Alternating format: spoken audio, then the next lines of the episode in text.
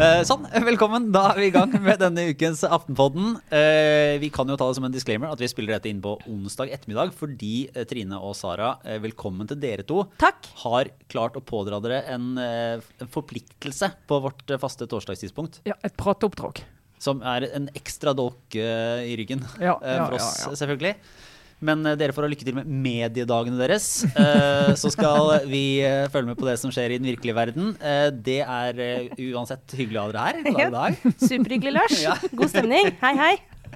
Og Kjetil Alstheim, du er selvfølgelig tro mot, mot podkasten vår. Selvfølgelig. Det er jo en flott dag i Oslo.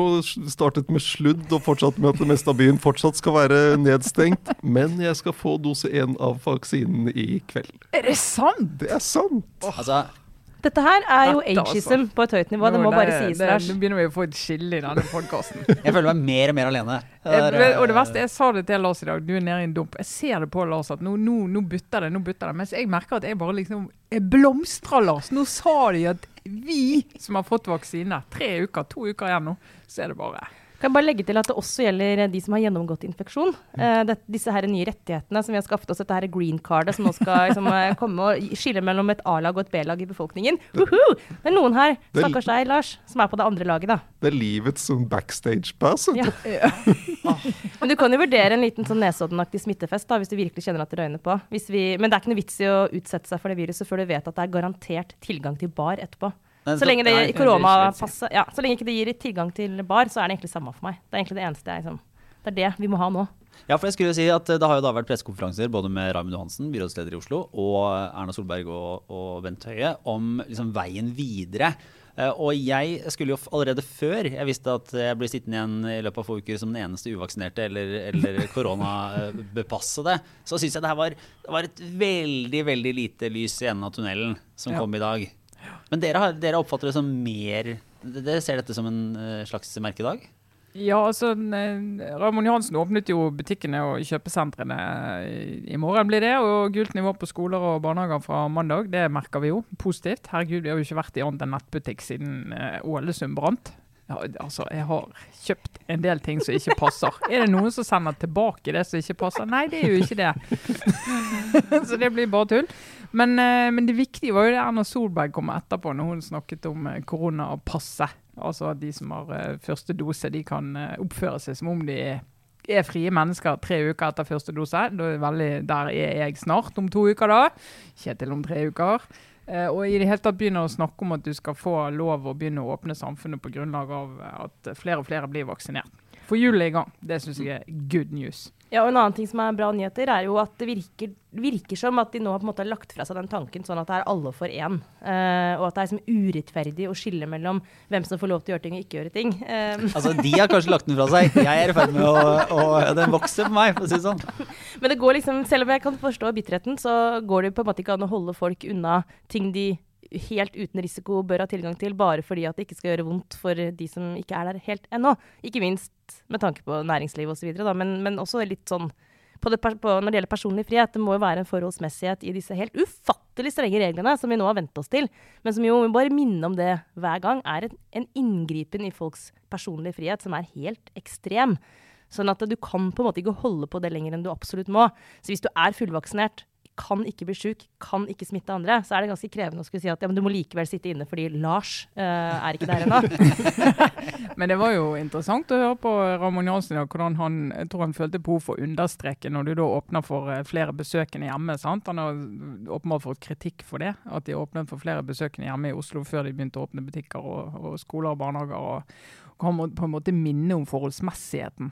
At du kan, Det er grenser i utgangspunktet for hvor langt inn i folks private liv du kan gå. Men nå er vi i en helt spesiell situasjon som gjør at folk faktisk går inn og sier Lars, du får ikke lov å ha eh, så mange på besøk hjemme i ditt eget private hjem, som du har betalt eh, millioner av kroner for. Altfor mange millioner, kan vi legge til. Eh, Ja, eh, sant? Og, og må på en måte minne om at du må faktisk begynne med det som er helt sånn uforholdsmessig inne på eh, en persons eh, frihet til å ta egne valg. da. Altså, jeg altså, jeg syns jo det er helt riktig med koronapassene. Men så er det spørsmålet hvordan man bruker det. Altså, hva, F.eks. det å si at uh, du får ikke ta offentlig transport. Det går jo ikke an. Og så er det, det er litt interessant å se til Danmark, for de har også hatt en avklaring nå på hvordan de går videre. og De, de har jo begynt å bruke koronapass allerede. Og så har de, akkurat som Norge, stanset bruk av AstraZeneca og skal ikke bruke Janssen-vaksinen. Men der sier de at vi kan tilby det frivillig. Mm. Uh, og da, da, kan du få en litt sånn uheldig situasjon. For da får du, hvis du skal få det koronapasset, og ikke er liksom langt nok frem i vaksinekøen, så blir det, blir det et veldig press for å ta uh, AstraZeneca eller Janssen-vaksinen, som da helsemyndighetene ikke vil gi til alle. Mm. Uh, og hvis du ser på sånne risikovurderinger som, som, FHI sitter og gjør hele tiden, så er det jo, nå er det jo snakk om de, de yngste Eh, som da, da, da, får du en avveining mellom risikoen mellom alvorlige bivirkninger, sjeldne, men alvorlige bivirkninger, mot da hvor stor sannsynlighet er det for at du blir alvorlig syk. Mm. Og der, der, du kan du kan pirke borti den risikovurderingen, sånn at folk tar en større risiko enn de egentlig burde for å få det koronapasset. Ja, og En annen ting er at du også da eh, individualiserer den risikovurderingen. Da. Altså I, uh, i Berlin eksempel, så har de det nå. Du kan få tilgang til AstraZeneca-vaksine eh, hvis du vil. Jeg hadde en diskusjon med en som står meg nær, som, som, bor der, som var litt sånn Skal jeg gjøre det, da? Og plutselig, vips, så er det også over i en situasjon hvor, hvor du sjøl egentlig må gjøre en vurdering som du overhodet ikke egentlig har noe som helst kompetanse for å gjøre. Mm. Uh, så den derre privatiseringen På en måte så er det jo helt logisk. Jeg tenker sånn at De vaksinene finnes. Det er jo for dumt å ikke bruke dem. På den annen side så kjenner jeg altså på en sånn der skepsis rundt at er det virkelig riktig å si at det, det må du vurdere sjøl. Uh, for hva hvis du vurderer feil, da?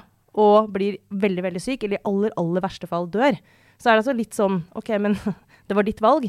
Der er det et eller annet som skurrer. Men det er klart, en annen ting er jo at det gjelder så ufattelig få som blir dårlige. At uh, det, i det store bildet så er det jo utrolig mange ubrukte vaksiner som kunne tatt samfunnet til en gjenåpning mye, mye fortere hvis vi hadde brukt dem er ikke noe enkel sak, altså. Men her blir det vel ikke tatt en avgjørelse på AstraZeneca før det 10. mai? De, har det, de skal få en rapport 10.-11. mai. Rundt 10. mai. mai hvor de skal mm. komme, for Folkehelseinstituttet ville jo legge den i skuffen og gå videre med de andre. Og så sa helseministeren at uh, vi, vi, må gå gjennom mm. alle tall, ikke bare innen de norske, men også internasjonalt, for å se på, på tallet. Men, men du har jo helt rett, Kjetil, at måten dette brukes på eh, blir jo viktig. Men når de sier at du, sant, du, har en grense på fem besøkende hjemme, men hvis du har to vaksinerte, så kan du legge de til. Og det tror jeg sånn som egentlig tror har klangbunn hos folk. da.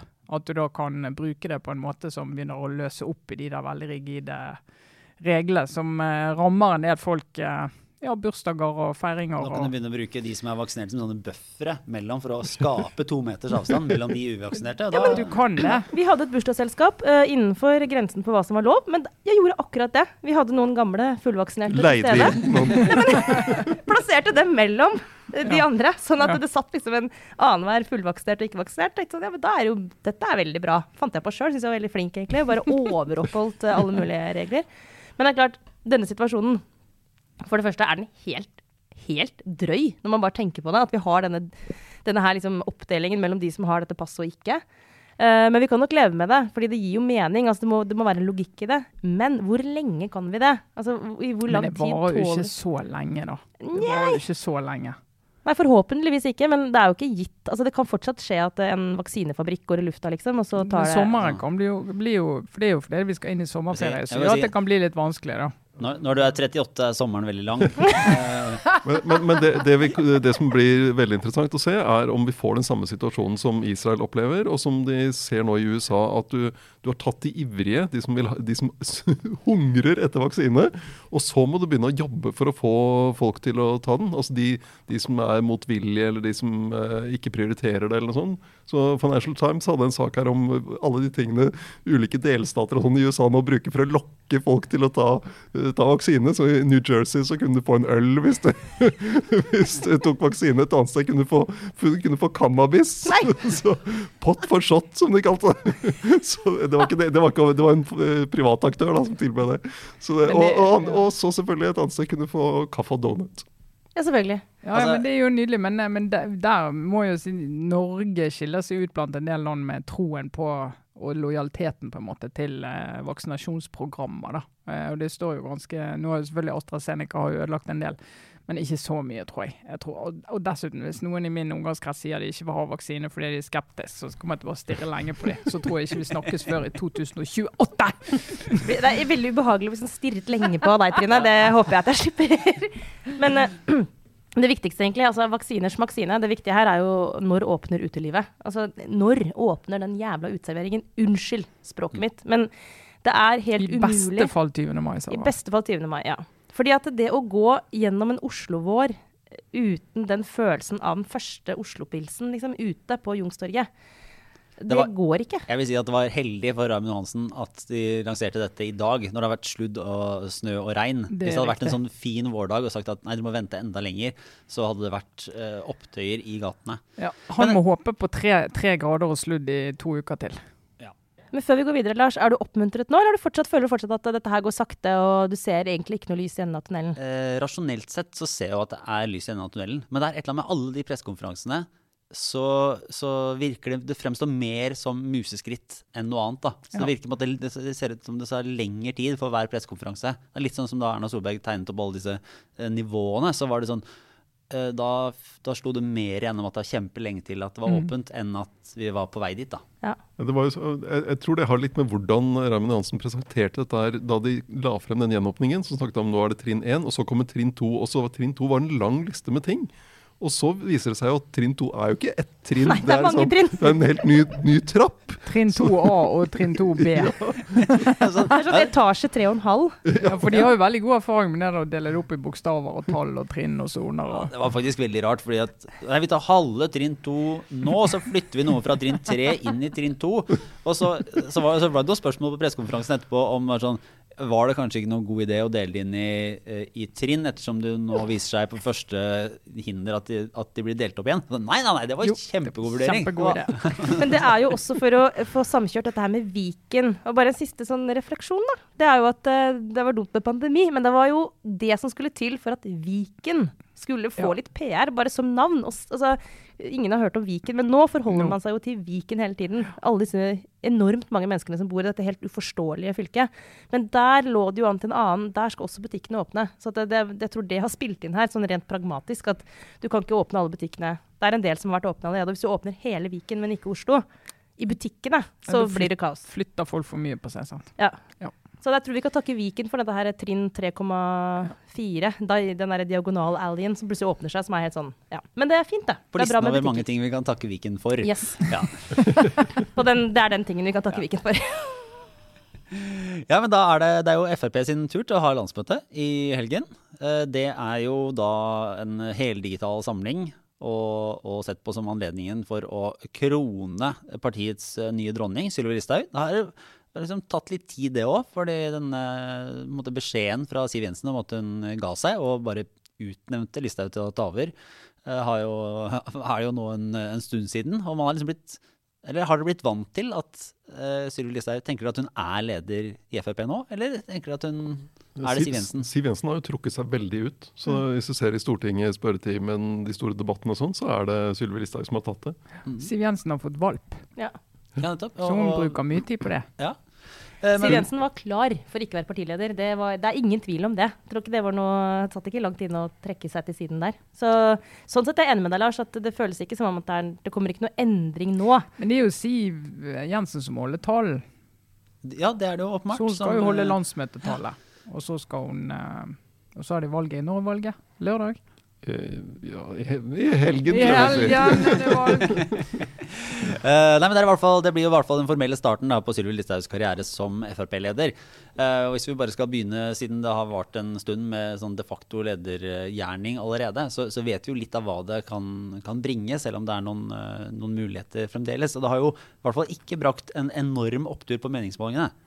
Det har de ikke. De ligger og kaver eh, rundt eh, relativt lave nivåer. Så det, det, ikke, det, har ikke vært noen Sylvi Listhaug-effekt eh, på, på, målingene. Så det er jo det er, det er kanskje ikke så rart, fordi handlet, nedgangen handlet jo ikke om Siv Jensen som partileder. Det var mer eller, partiets posisjon etter å ha i, hatt ansvar eh, så lenge som regjeringsparti, og så da at de eh, det å bygge troverdighet som opposisjonspartiet det tar tid, altså. Ja, det tar tid. Og så er det jo hele situasjonen, koronasituasjonen, som ikke er noe sånn altså si at, jeg, tror når vi begynte å snakke om uh, Sylvi Listhaug som en potensiell leder av partiet for noen år siden, uh, så tror vi så for oss at hvis hun ble det, så ville hun liksom sette tonen med en gang og bare begynne å snakke om uh, norske verdier og innvandring og svenske tilstander og en del sånne ting som vi kjente hun fra da hun jo måtte gå ut som statsråd var veldig kontroversiell.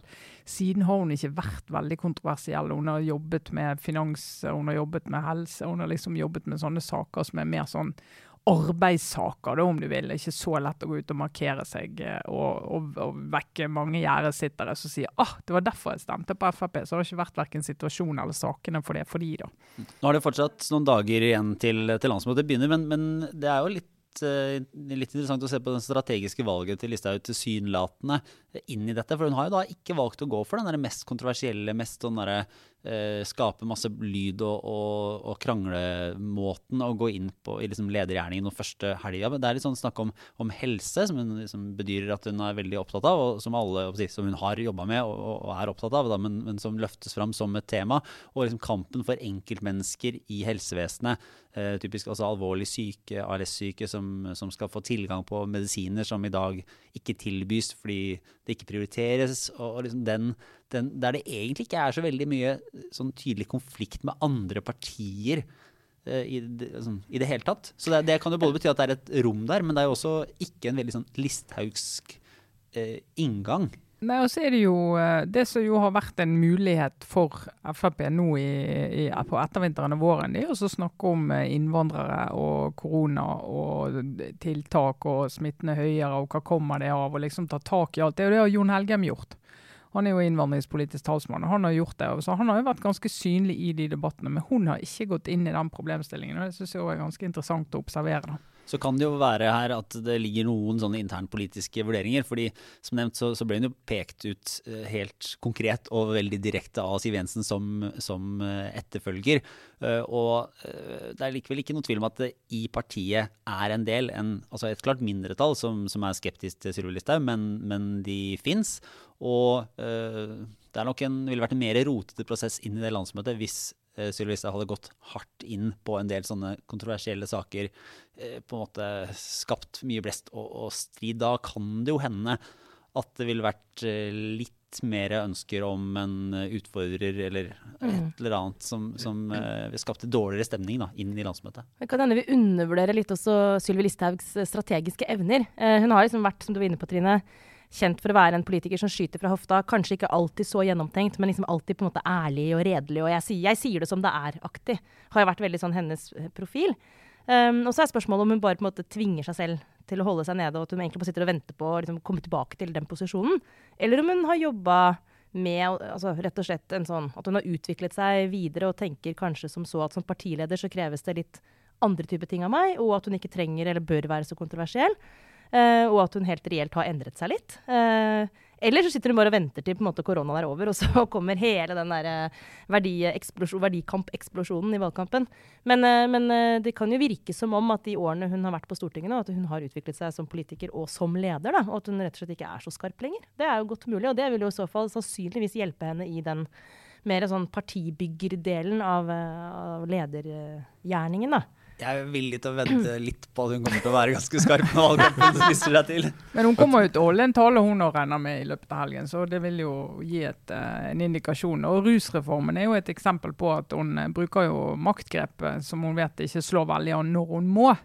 Ja, og så, så kan du si om det var en om det gjør at hun nå må være enda mer brannslukker, eller, eller, hvordan det var. For det var jo en sak som, som egentlig var for i forkant av Arbeiderpartiets landsmøte. Så, så var det jo litt sånn drama fordi den mangeårige da, ruspolitiske talskvinnen Kari Kjønaas Kjos uh, hadde jobba med dette rusreformspørsmålet i stortingsgruppa. Og stortingsgruppa skulle behandle det her på, det da, på en onsdag. og nå med forbehold om noen potensielle unøyaktigheter, så var det mer eller mindre helgen før, så uh, sørga Sylvi Listhaug for at dette også ble en sak på et landsstyremøte i Frp. Uh, og da satte jo landsstyret rett og slett foten ned for FrPs potensielle støtte til den reformen. Eh, og sånn at eh, Kari Kjønaas Kjos og stortingsgruppa ikke hadde noe å si. Og, og Kjos ble jo da veldig provosert av det her og, jo, gikk ut i offentligheten og eh, mente jo at det her var veldig, altså en dårlig måte å lede på og, og veldig uheldig. Ja, Særlig fordi at hun har brukt veldig mange år på dette feltet, og også lang tid på selve akkurat det reformforslaget, og skulle legge fram dette her. Altså det, er jo, det, er, det er, jo, et stort arbeid som hun har utført, som bare var sånn Oi, rett bort i skuffen med det, fordi vi bare bestemte oss uten engang lytte til det hun skulle legge frem, da. Kan du forstå at det er jævlig irriterende når du liksom har, fått den jobben, har det vervet, og jobber med det over tid. Um, og så er det jo selvfølgelig en, et rom man har, vil jeg tro, i Frp, å bare gjøre det på den måten. Men det, det, det er jo Altså hvis det er sånn hun har tenkt til å uh, holde på som partileder, så er det kanskje ikke et veldig godt tegn i forhold til det å være liksom, organisasjonsbygger og det å jobbe med tillit og det å liksom, få folk til å ta ansvar og bladi bla. alt det der, der som er en del av å være leder. da. Mm. Det her var veldig, Hun skulle tydeligvis bare kjøre gjennom at sånn ja, må det bli. Det, jeg snakket med, snakket med, flere kilder i eh, Fremskrittspartiet om det her, og da, da, var det vel sånn at det var ikke nødvendigvis et flertall for rusreformen sånn som det var i stortingsgruppa heller. Det, selv de som har vært tilhengere av den, er ikke så sikre på om, om utfallet ville blitt annerledes. Men, eh, men, det er jo prosessen da, som, som er en, en dårlig sak. Som, eh, som, gjør det vanskelig for ja, Som er typisk sånn lederkløning. Ja, og da blir det jo en del i, i, partiet som venter på at hun blir leder, og er litt urolig for hvordan hun vil utøve den ledergjerningen når hun gjør en sånn ting som egentlig er potensielt helt unødvendig, med tanke på resultatet hun ville oppnå. Bare, for å vende litt tilbake til det om Sylvi Listhaug, hvor spiss hun er eller ikke spiss osv. Jeg, jeg tror nok hun uh, kommer, til, kommer, til, å være spiss uh, når, når hun ser nytten av det. Og så er det litt Eh, det, det, er lett at det blir skapt et bilde av at Siv Jensen var blitt så mild og ansvarlig, og at Sylvi Listhaug var så vill og ja, gjorde så mye rart. Sylvi Listhaug var jo statsråd i flere omganger og, og, og styrte altså landbruk og det ene departementet etter det andre. Uh, så var jo mye, mye normal virksomhet for en politiker.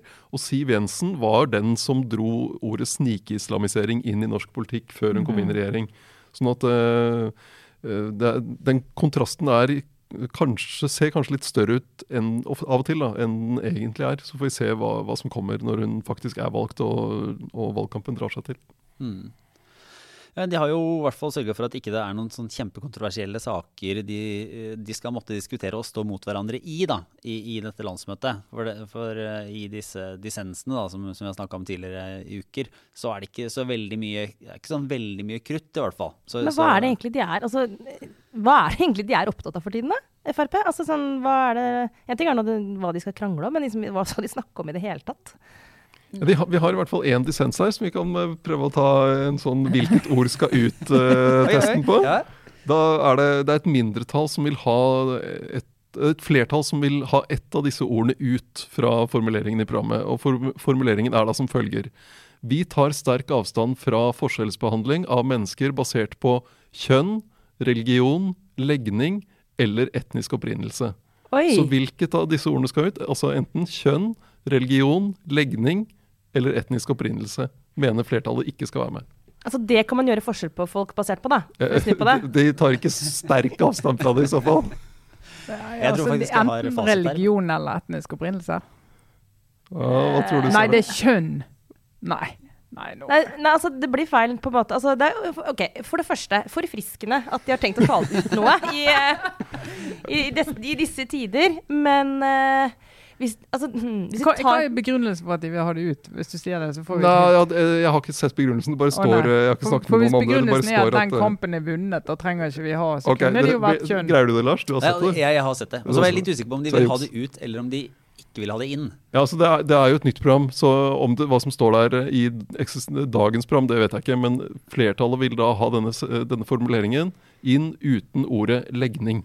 Uten legning? Legning skal ikke være med. Og det lurer jeg på er litt sånn identitetspolitisk begrunnet. At du, altså, alt det der styret rundt uh, eh, hen og trans og altså Om det er det som ligger bak? Jeg syns det er veldig mer merkelig Ja, for ting. legning, det er, jo ikke, altså det er jo helt vanlig å si at når vi ramser opp det vi ikke skal Ja. diskriminere folk på grunnlag av, Ja. så er det jo så ukontroversielt å ha med legning. Det er liksom en av de, det kommer av seg selv, på en måte. Og også litt med tanke på den eh, arven Noe av arven fra Siv Jensen var jo at hun greide å flytte Fremskrittspartiet i homopolitikken. Ja. Mm. De hadde jo eh, noen drøye uttalelser, bl.a. Sylvi Listhaug, om eh, Pride-paraden i Oslo. Å gud, ja. Ja, eh, så, og hun greide å, å flytte partiet, og Siv Jensen har jo sagt at det er noe av det hun er stolt av. Det en liten bro. De kunne i hvert fall ikke ta ut kjønn. Eller der mener de vel at ikke det er diskriminering lenger, men det er jo faktisk en liten nøtt for det landsmøtet her, da. For, Ja, men det tenker jo mange i Frp som har sagt det, at altså, kjønn det er ikke det problemet det var.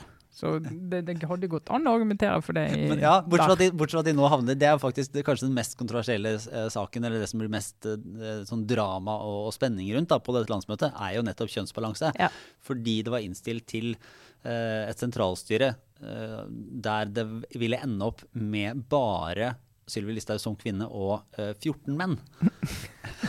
Det er faktisk nesten helt utrolig at det går an. Eh, Eh, Maggie Thatcher ikke har det, altså. og jeg syns jo det er et godt eksempel på Jeg tror det var Siv Jensen, jeg er ikke helt sikker på det, men jeg tror omtrent hun uttalte noe sånt som at det er mulig å lykkes for kvinner i Frp, de må bare ville.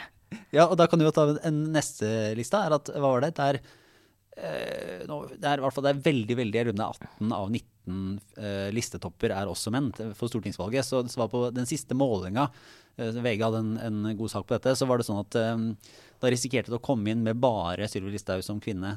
Og eh, hva var det? Relativt få eh, ytterligere representanter, da, men det ville bare være menn. Og det viser vel at det er ikke alltid nok å bare ville. Du må noen ganger liksom, bidra litt også på strukturer da, for å få til en eh, Det trenger ikke å være 50-50 nødvendigvis, men i hvert fall ha noe kvinnelig representasjon på Stortinget uh, utover partilederen. Det, da hender må på en måte hjelpe litt til. Det skjer ikke av seg selv. Men det er jo, eh, altså det er jo en litt sånn klassisk problemstilling i, i Frp. Og del, inni en del andre partier og har vært da før. Sånn, skal du drive med, med kvotering og sånn for å få opp folk, eller skal vi si at hos oss så er vi ferdig med det. Så det er de beste de flyter opp uansett. Men så er det bare det at når resultatet er, hvis det ender der, eh, så skal du ut og snakke til velgere som ikke helt altså Velgere har jo litt det ved seg at de ønsker å identifisere seg til en viss grad med de de skal stemme på. Og hvis du da en hel kjønnskategori ikke ser, altså, ikke ser kun Sylvi Listhaug. Eh, for det er jo mange dyktige kvinnelige politikere i Frp, også på Stortinget, sant? Eh, som, eh, som har vært der i flere år, er erfarne, har vært med og jobber virkelig med sånn nitty-gritty politikk. Og så skal du plutselig si at nei, det her var ingen som ligner på meg. Det, det er vanskelig hvis du skal breie ut et parti og ha en sånn vekting, da. Det er også et lite paradoks eh, hvis de har en tanke om å Nå litt stereotyp i, i min analyse her, men, men hvis de har en tanke om at eh, helsefeltet skal være en sånn sentral del, så er jo det typisk eh, politisk spørsmål som også har en overvekt av som kvinner som, som prioriterer det høyt på sin vekting. Ja, så, så da kan det også se litt rart ut. Men det skal jo sies da at eh, nå, har det jo, nå blir det jo endringer fordi det, på innstillinga til sentralstyret, fordi det både har kommet kvinner som sier at de vil utfordre innstillingen fra valgkomiteen, og fordi nå er det vel to av de mennene som sitter der fra før, som har sagt at eh, de vil eh, trekke seg, bl.a. av eh, godeste Per-Willy Amundsen. Feministen Per-Willy Amundsen. En av eh, Erna Solbergs eh, åtte tidligere justis- og beredskapsministre. Så Hva, hva var det Erna, Solberg var i spørretimen i dag Ja, var og, og snakket om disse justisministrene? ja, hun fikk et spørsmål, og det var tydeligvis et sånn lite øyeblikk av refleksjon, og hun sa at eh, ja, jeg skulle kunne ønsket meg færre av dem. Og aldri så lite kontinuitet og rød tråd. Jeg tror hun kunne tenkt seg Monica Mæland fra første dag, egentlig. Det tror jeg òg. Det hadde vært en fordel på Monica mange måter. Mæland også. Ja. Nei, ja, så, det, så det blir jo litt spennende å se hvordan den, eh, den posisjonskampen i Frp blir i helgen der, da. Og det ligger jo også litt sånn eh, litt politisk eh, skillelinjer inn i dette her også.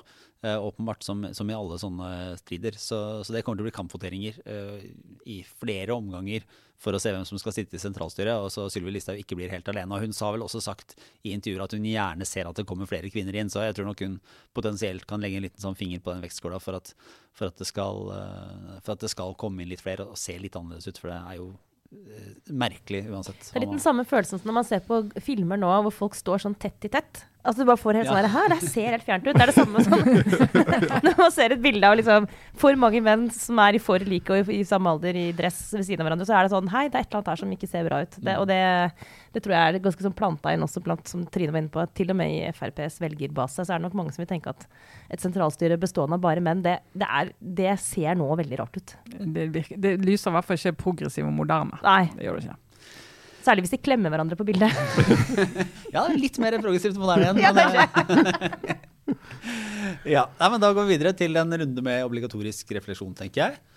Åssen er det, Sara? Har du lyst til å begynne? Jeg har to ting jeg må snakke om, jeg, Lars, men jeg kan gjøre det kort. Ja. Eh, det ene er eh, den TV-serien Pernie. Altså, Det er verdens verste tittel på en TV-serie. Jeg trodde at det var en sånn Jeg, jeg skal ikke si hva jeg trodde engang. Jeg var i hvert fall helt sikker på at det ikke var noe for meg. Uh, men det var det. Men for jeg bare bare Hvor er åpenbare hvor er det den spørsmålet. Ja, altså, nå er Viaplay. Viaplay. Men er det, er, det er ikke et ordspill på en eller annen form for Nei, uh, porno, nei, det horny Nei, det er eh, forkort, forkortelse. Hovedpersonen heter Pernille. Og dette er kallenavnet hennes. Det er navnet på hovedpersonen.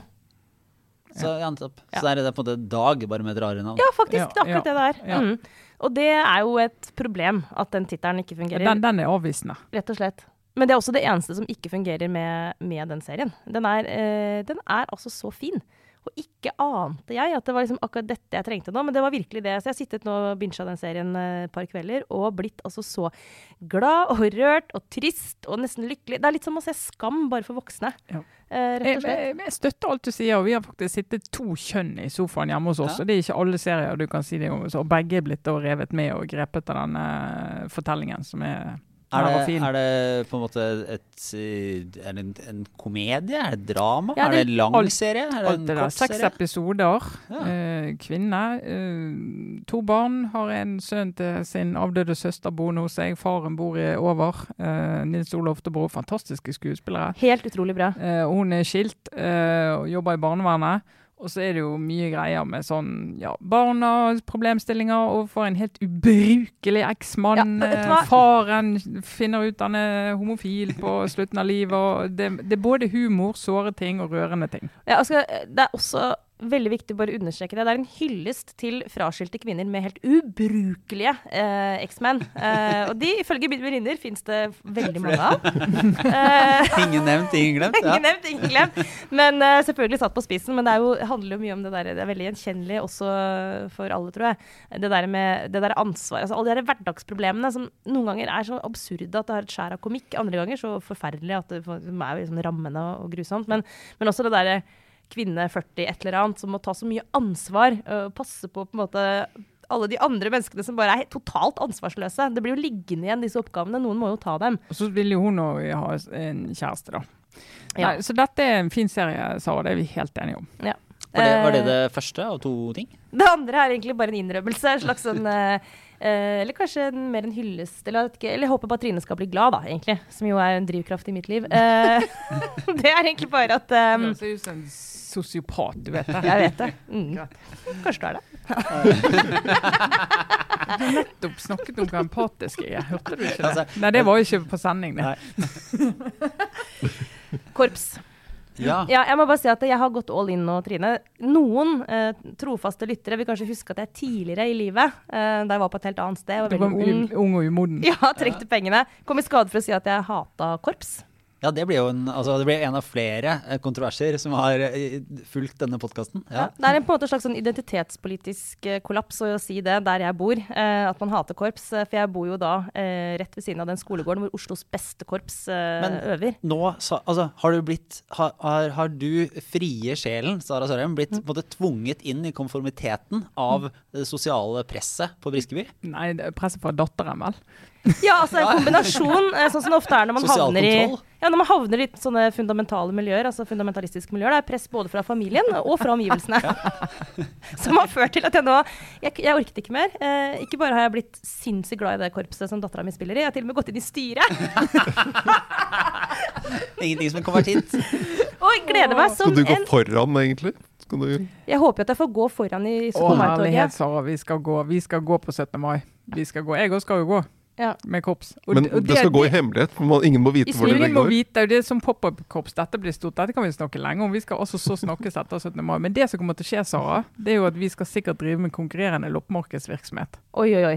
Det kan bli stygt. Oi, oi, oi. Dette kan bli eh, stygt, Ja, ja. for jeg tror at det, det som jo Nå beklager jeg til dere som er lei allerede, men en siste ting er at øh, jeg har jo vært så heldig å oppleve nå å være korpsforelder uten loppemarked siden pandemien. Eh, sånn at jeg har jo sluppet å stå opp i Otta og sortere gamle ting. Det er gøy. Det er gøy, ja. Ja, jeg, jeg hadde trodd jeg kom til å hate det, men det var, det var gøy. Altså, jeg, jeg jeg sørger over at det ikke har vært loppemarked siste året. jeg. Ja, ok. Eh, det kan jo skje med meg også, skjønner jeg nå, med tanke på hva som allerede har skjedd. Ja, altså, jeg alt skal kan egentlig bare si at det, nå som det ikke er 17. mai-tog, og alt egentlig er ganske dritt, tenker jeg sånn Men korpset er dere. Korpsene Ja. finnes, liksom. Og de skal gå Er det der du finner håpet? Er det der du finner håpet nå? Og, og, du sier at, og dere sier at Lars er nede i et litt Ja. mørkt hull?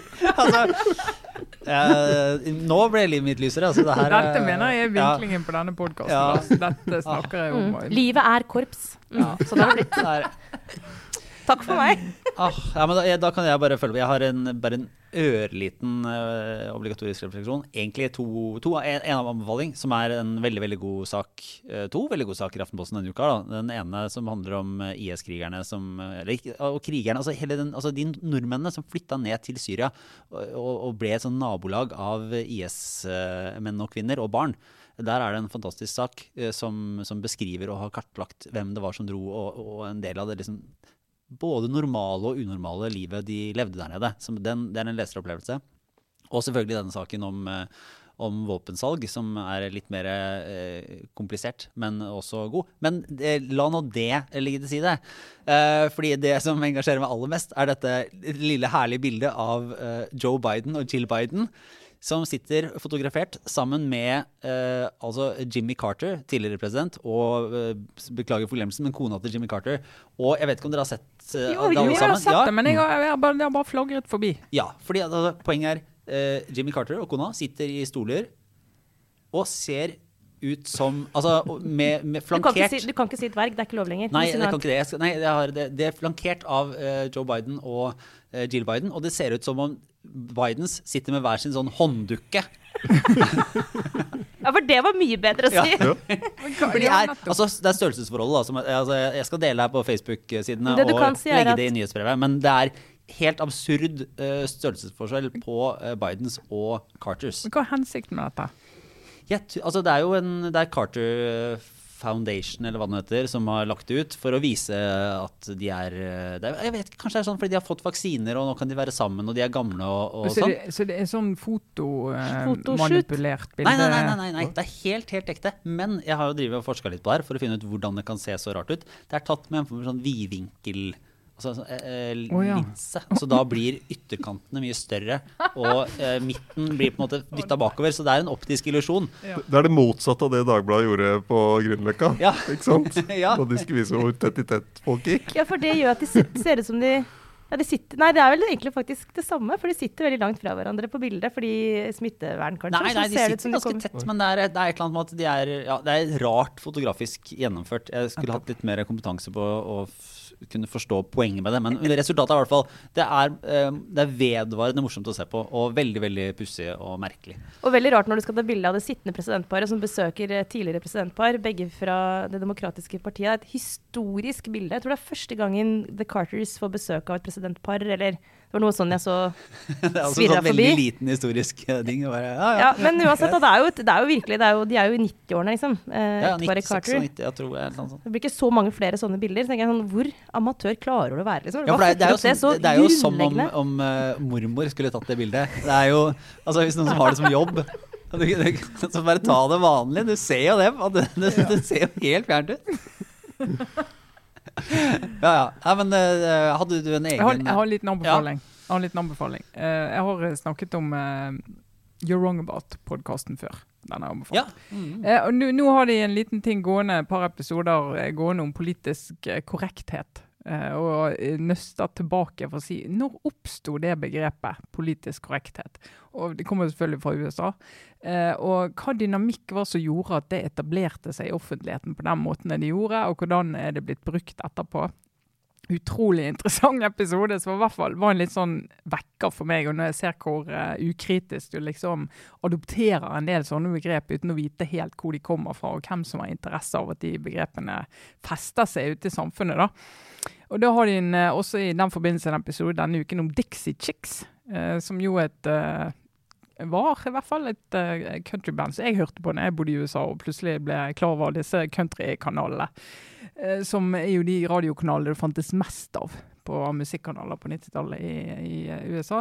Eh, og hvis du skal snakke om no platforming, så skal du høre historien om Dixie Chick, som rett før Irak-krigen kom til å si at de, de, støttet ikke den krigen, og følte ikke at Var litt flau over at Bush den gangen kom fra Texas, der de kom fra og ble altså så no platformet som ingen har blitt noensinne etterpå. Det var bare liksom, De bare forsvant ut av, uh, av musikkscenen. Men å høre liksom hvordan det var i USA opp mot den, uh, at de faktisk den krigen eh, ble iverksatt, om du vil, hva debattklima det var, og hva klima dette skjedde i. Utrolig interessant. å bare si Den no platforming-debatten vi holder på med i dag.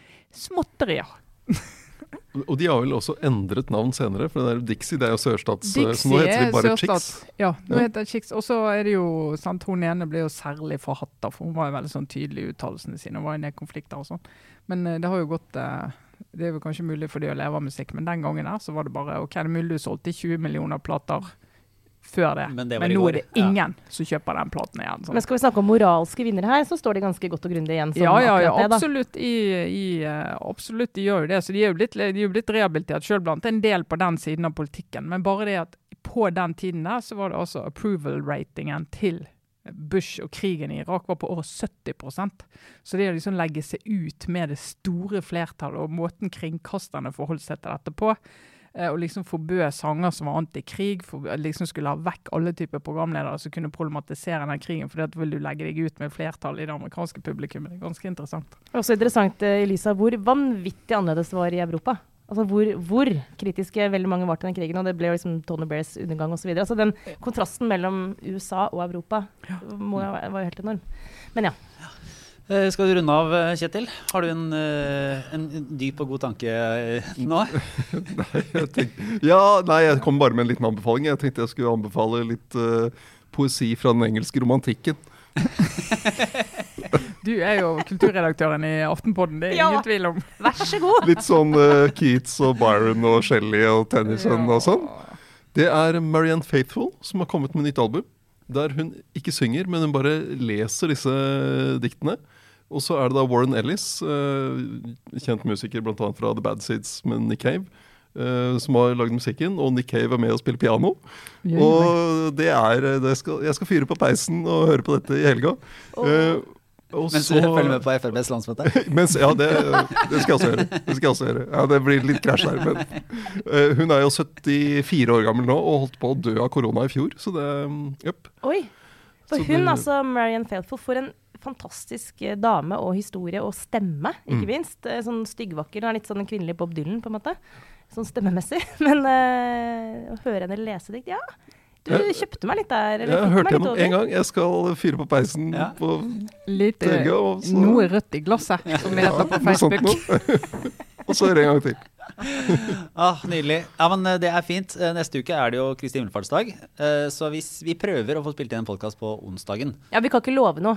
Nei, men uh, Vi hører fra oss. Ja, vi hører fra oss. Og uh, vi er jo tilbake selvfølgelig, Kjetil, med en oppsummering av FrPs landsmøte.